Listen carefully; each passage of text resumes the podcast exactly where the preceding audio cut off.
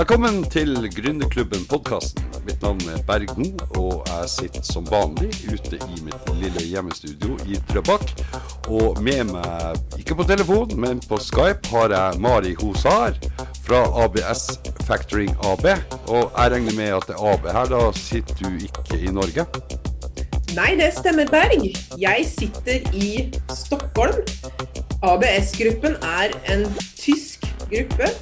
Tysklands største private factoring-selskap. Og vi har altså en, et datterselskap i Stockholm som tar oss av de norske og de svenske kundene. Så jeg er altså norsk, som du hører. Du er norsk, det er veldig Om du nesten hører jeg prater vel litt svorsk, jeg må beklage det. Ja, men Det skal du få lov til. Altså, Vi har jo akkurat spilt en landskamp eh, i Sverige. Du fikk kanskje med deg at Norge vant den landskampen? Ja, det fikk jeg med meg, selv om det ikke er min største interesse. Nei, Er det dårlig stemning i Sverige liksom pga. det her? Det merker man jo ikke så mye når man sitter på hjemmekontor helt alene. Nei, da må man nesten ut og snakke med folk. Ja. Nei, men den er grei. Eh, vi eh, ser frem til at vi får Sverige på besøk i mange sammenhenger nå fremover, også innenfor fotball. Men det er veldig hyggelig at eh, vi har ABS Factoring, som også ser på det norske markedet. Dere er ikke sånn superaktive i markedet her, men dere er litt i gang, for å si det sånn. Er ikke det riktig å si? Det er helt riktig. Vi er jo som sagt registrert i Sverige, og er litt tilfeldig at vi har fått norske kunder egentlig, og så er det jo tilfeldig at jeg kom inn som norsk. Men vi ser at den modellen vi har er litt annerledes enn konkurrentene, og at det derfor faktisk er en del norske firmaer som har god hjelp av oss. Så det er jo veldig morsomt. Da tar vi gjerne norske kunder. Ja, jeg har jo snakka med deg noen ganger i forhold til noe case som vi har jobba med. Og jeg skjønner jo at her er det litt å hente for eh, norske gründere og medlemmer av Gründerklubben og andre. For at eh, det vi egentlig snakker om her, det er jo å få eh, kontroll på likviditeten, eller få styrka likviditeten. Og mange ganger kan det være en utfordring å gå til banker og investorer og få dem til å tilføre eh, arbeidskapital sånn at man kan havne i en slags likviditetsskvis. Spesielt hvis man får noen større kunder internasjonalt. Og det var egentlig internasjonalt dere jobber primært. Ja, eh, eller også vi har kunder, altså direkte kunder faktisk i hele Europa, og sluttkunder over hele verden. Men de fleste som kommer til oss, har jo også en kundestamme i Norge, Sverige, og tenker da å gå ut på det internasjonale markedet. Det er småbedrifter eller mellomstore bedrifter som får, eh, får en merker at man har, er i vekst, vil produsere mer, ser en opportunity. Jeg kan selge mer, jeg kan produsere mer, men jeg har ikke kapital for det. Ja, Riktig. Så det vi egentlig snakker om her, er vel det man kan kalle for eh, fakturakjøp. Kan, kan ikke du si litt mer om hva, hva dere gjør, og hvordan dere jobber? Ja, Vi gjør altså det som heter full service factoring, eller portfolio factoring. Altså ekte fakturakjøp, eller true sales. Mange engelske ord der, det er jo noe alle forstår. For problemet er at i det ordet factoring, så forbinder ulike bransjer, ulike firmaer litt ulikt med det. Men det vi altså gjør, er at vi kjøper alle fakturaene. Kjøper og eier de. Vil si at vi betaler ut til vår kunde 90 med en gang. Resterende tid når kunden betaler. Og så står vi for det. Og det vil si at du har pengene nå. Kan gi din kunde en lengre betalingstid. Mange krever jo også 90 dager. Og behøver ikke å risikere eller være redd for at kunden ikke betaler, eller redd for at du får en litt vanskelig diskusjon om for sene betalinger eller feilbetalinger. Det tar vi oss av. Ja, men det her høres jo eh, veldig bra ut. Men her må være noe eh, ulempe her. Kan du gå litt inn på det? Ja, nei um, ulemper, ulemper ser ikke jeg så, så veldig, men um, det er klart, uh, det har jo alle har i sine ulike sider. Selv så kommer jeg personlig fra risk management-siden, og jeg sier jo veldig det her at jeg vil selge min faktura, for jeg har gjort jobben, og da vil jeg være sikker på å få betalt, og jeg vil være sikker på når jeg får betalingen. Det har jo riskperspektivet, og det blir jo mye viktigere når du selger til utlandet, og særlig når du har store fakturaer, og du må ha inn pengene nå for da må du betale din produksjon. Jeg tror nok at factoring har fått et litt ufortjent dårlig rykte. Du, du snakker her om, om ulempene, men eh, det var jo litt tidligere sånn at man sa at lå du helt på kanten, liksom, var du på vei å, å gå konkurs, ja da, som en siste utvei, kunne du bruke factoring. Nå har det blitt mer, og det er jo sånn at går det riktig bra, du ekspanderer, du selger mer enn du solgte forrige måneden, da vil du jo hele tiden behøve likviditet. Og når vi da titter på det som jeg kaller altså portfolio factoring, altså ikke enkeltsalg der du får en enkelt pris per faktura som kan bli ganske dyrt, men en helt pris på hele portfolioen, da er jo det her en, en, billig og sikker måte å sikre seg likviditet framover. Og det fantastiske er jo at selger du mer, så får du inn mer cash med en gang. Ja, ja med en gang. Det er jo egentlig nøkkelordet her. Og så eh, det at dere har spesialisert dere på internasjonale eh, dealer, eh, syns jeg er veldig interessant. For det er mange i Norge som tilbyr factoring og fakturakjøp i ulike former. Men jeg har ikke kommet over noen som yter denne type assistanse internasjonalt. Men eh, det som jeg lurer litt på, det er jo hva eh, bankene eh, sier om det her. Altså Bankforbindelsen min, f.eks. hvis jeg kommer dit og sier at nå skal jeg begynne å kjøre eh, factoring, er det noe som de bare er helt åpne for, eller eh, kan det komme negative vibrasjoner derifra? Ja. Det kan jo være litt eh, begge deler. Og er det et, et factoringselskap som også tilbyr banktjenester, noe vi ikke gjør, så kan jeg jo forstå om banken er redd for å miste en kunde. Men oftest så er det jo sånn at da sier jeg at da tar jeg en samtale med banken, og så forteller jeg bare det at ja, det er jo det beste for dere at kunden vokser, mer penger på banken, og har pengene sikkert på banken. Altså ingen regress, fakturaen er kjøpt, den er betalt. For for banken er jo tre millioner på kontoen mer verdt enn tre millioner utestående mot en kunde i USA. Der det er vanskelig å dra og banke på døra om man ikke betaler, og de pengene kanskje aldri kommer inn på banken. Så vet bankene hva man snakker om, så pleier det å gå veldig fint og ikke være noe problem. Ja, ikke sant. Det tenker jeg altså, det burde bare være vinn-vinn her egentlig eh, langs hele veien. Og spesielt når det er svært få banker som har noe særlig muligheter for å gi kassekreditt mot eh, spesielt eh, bedrifter som er i en tidlig fase og har, har lite eh, historikk. vi skal komme litt tilbake til akkurat den nøkkelen der, egentlig, hvordan dere egentlig får det her til. Men det jeg har lyst til å spørre om nå, det er liksom Passer det her for alle? Passer det for gründerklubbens medlemmer og SMB-segmentet? Mm.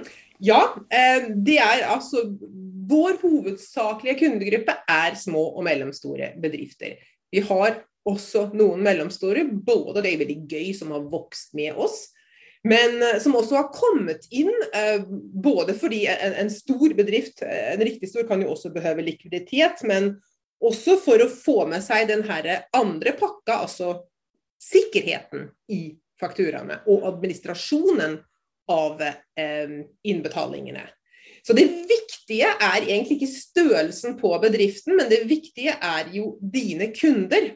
For nå får ikke du alt du behøver i lån av banken til de kondisjonene du ønsker, fordi du selv kanskje ikke har vært lenge nok på markedet, ikke har den historikken og boniteten å vise til. Men om dine kunder er kredittverdige, så er det jo kun de vi ser på. For det er de som skal betale. Så har du altså businesskunder, og du har en, selger et produkt eller en tjeneste som er utført. Du kan ikke selge en, en, faktura på en idé eller et prosjekt som skal skje i framtiden. Det må være utført, for er jo da først det her er en riktig asset. Da er factoring eh, en løsning som man absolutt skal vurdere. Og da er å betale en liten prosent eller noe av fakturaen, er jo da oftest den absolutt billigste formen for likviditet du kan ta inn. Ja, det jeg syns det henger på greip, jeg også. Eh, fakturabelåning, eh, kan du si litt om hva som er forskjellen mellom fakturabelåning og factoring? Ja, i fakturabelåning så gjør man som sier, da bruker du altså fakturaen som sikkerhet for et banklån. Og den store forskjellen i det vil jo være når du ser på eh, regnskapet at da har du jo utestående fortsatt de her pengene de skal betales inn, og det vil ikke øke din eh, likviditet, og det vil ikke se bedre ut for banken om de skal gi deg et lån. Har du solgt fakturaene, har du pengene i din egen kasse og er der og forbedrer ditt selskaps nøkkeltall. Men du har jo også av det som jeg kaller da true sales, så har du også den som er helt ekte, som jeg prater om nå, der vi tar over hele risikoen, stort sett uansett hva som skjer. Og så har du den modellen som kan funke i visse tilfeller med regress, der man sier at OK, du vil kjøpe fakturaen, du har pengene der, men om kunden ikke betaler, da må du betale oss tilbake. Mm. Ja, jeg syns det her høres eh, forlokkende ut, og vi må jo se om vi kan bruke det her i noen konkrete case. Kanskje vi skal gå igjennom litt uh, fordeler knytta til uh, fakturakjøp. Altså, det, det, åpenbare har jeg fått med meg. altså at 90% utbetales med en gang, det var vel riktig. Og at det kommer rett inn på kontoen, og at uh, risikoen overgår til kjøperen. Altså da factoringfirmaet dere, da. Men du har jo også vært gjennom en del andre punkter. Kan du ikke si litt mer om, om, om de tingene? Konkretisere fordelene rundt det her? Ja.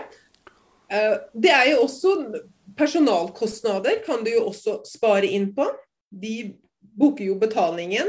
Og særlig, du, du, tok jo opp det her med at vi er, gjerne har kunder som selger til utlandet.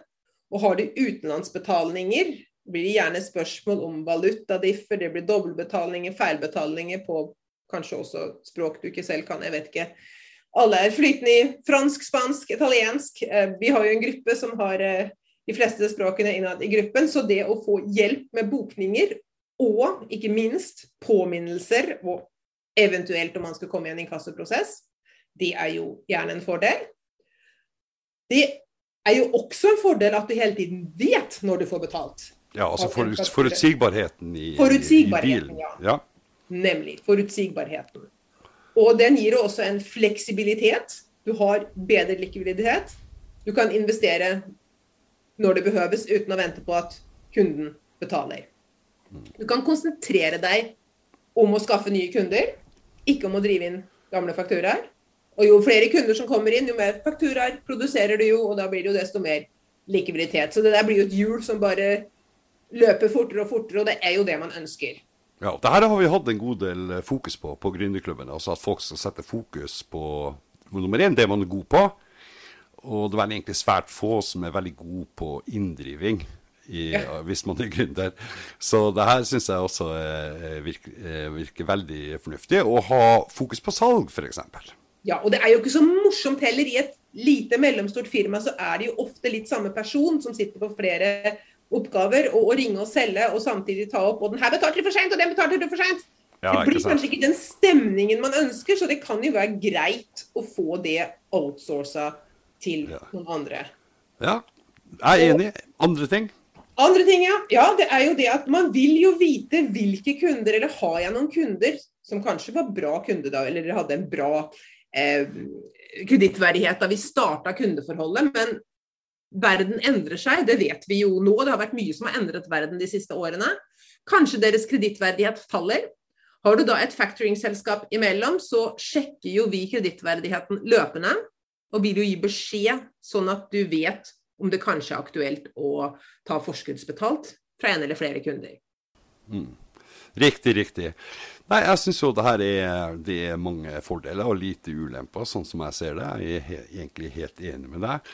Eh, hvordan er prosessen? Altså, la meg si at vi har et eh, firma på Gründerklubben som planlegger å Eh, close en deal i forhold til eh, Vietnam. De er kommet ganske langt i prosessen. Hvordan forholder de seg til dere, da? Mm. Nei, Det er jo det første å ta en uh, samtale til oss og fortelle litt om hva man holder på med, bare så vi vet hvilken størrelse dreier det seg her om. Altså hva gjør det her firmaet sammen i alle land? For vi ser jo på hele portfolioen. Visstnok er vi representert i mange land i Europa og ser det som vårt hjemmemarked. Men hele verden vil jo vi også ta som en del av på kjøpet. Altså det, visse land er jo lenger ut og har en større risiko, og kjenner vi at vi kan stå for først når vi kjenner kunden godt, vet hele hva den holder på med alt. Så sier du én kunde i Vietnam, så hadde jeg sagt det blir kanskje dyrt. Eh, til og med via oss. Men mer så jeg tok et, litt, et litt spesielt tilfelle, så det er mer vanlig, eller vår typiske kunde, da, som kunne ta et eksempel fra virkeligheten også kommer jo til oss. Man har et, et, produkt som virkelig selger godt. Man begynner å få forespørsler mer enn man har råd til å produsere. Vi hadde en kunde eh, som var i den sitsen på, i oktober-november, altså rett på slutten av året, hadde vært hos banken, var litt fortvila, for de fikk ikke mer kapital fra banken. og de kunne, ville close en order med et, et riktig stort selskap, og tenkte vi tør jo ikke gjøre det om vi ikke kan levere. Kom til oss, solgte alt de hadde utestående. Fikk de to måneder inn på kontoen. Så ga de sine kunder lengre betalingstid. Og fikk dem til å legge ordren tidligere også. Fikk vi en måned til inn på kontoen. Med alt det på kontoen gikk de til banken igjen. Fikk et lån. Kjøpte ut et, styrt, et dyrt mellomledd til sin agent i Kina også, og fikk riktig kjørt opp firmaet. Det spruta, det var så gøy å se. I den hele, så jeg pratet det her med utlandet, der kunne vi hjelpe til. Der kjøpte vi fakturaene mot utlandet. Så kom de på at det er gunstigere å fakturere Europa fra Sverige, så de startet AB i Sverige. Vi satte da opp en kontrakt med det AB. Så det her er altså en dobbeltsidig hva vi gjør i utlandet. Ett, vi tar dine kunder i utlandet.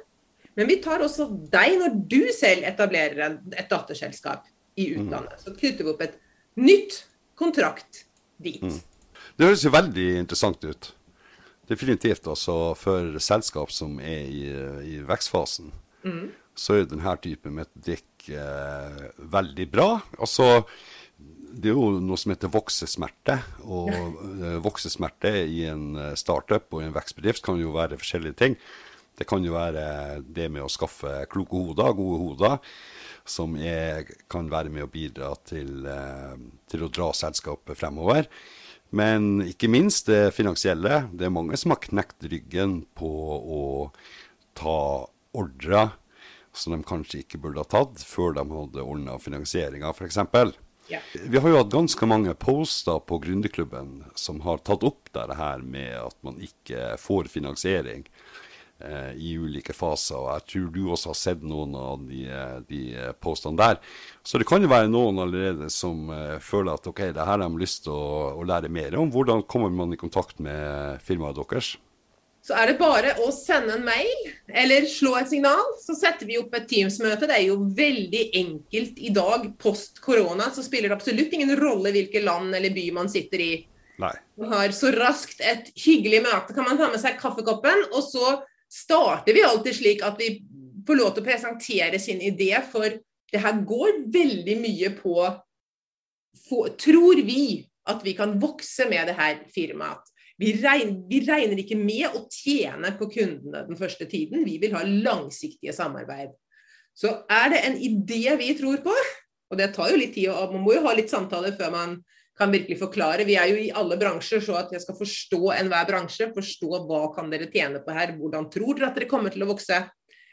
Um, og, og, det samarbeidet følges jo hele veien, at vi er ganske tett. Og vi ser vi har jo også samarbeid med ulike andre sektorer. Med jurister f.eks. har vi jo tette samarbeid i ulike land. Så behøver man annen kompetanse, er det jo også greit å mange som kommer til oss. Og vi ser de også ofte når vi eh, får med oss den daglige problematikken. Kommer vi til å legge kontaktinformasjonen din i, uh, i feltet her under på podkasten, så at folk kan ta kontakt med deg der. Og så skal det bli spennende å følge og se om det er noen som uh, kan få hjelp med å gå internasjonalt.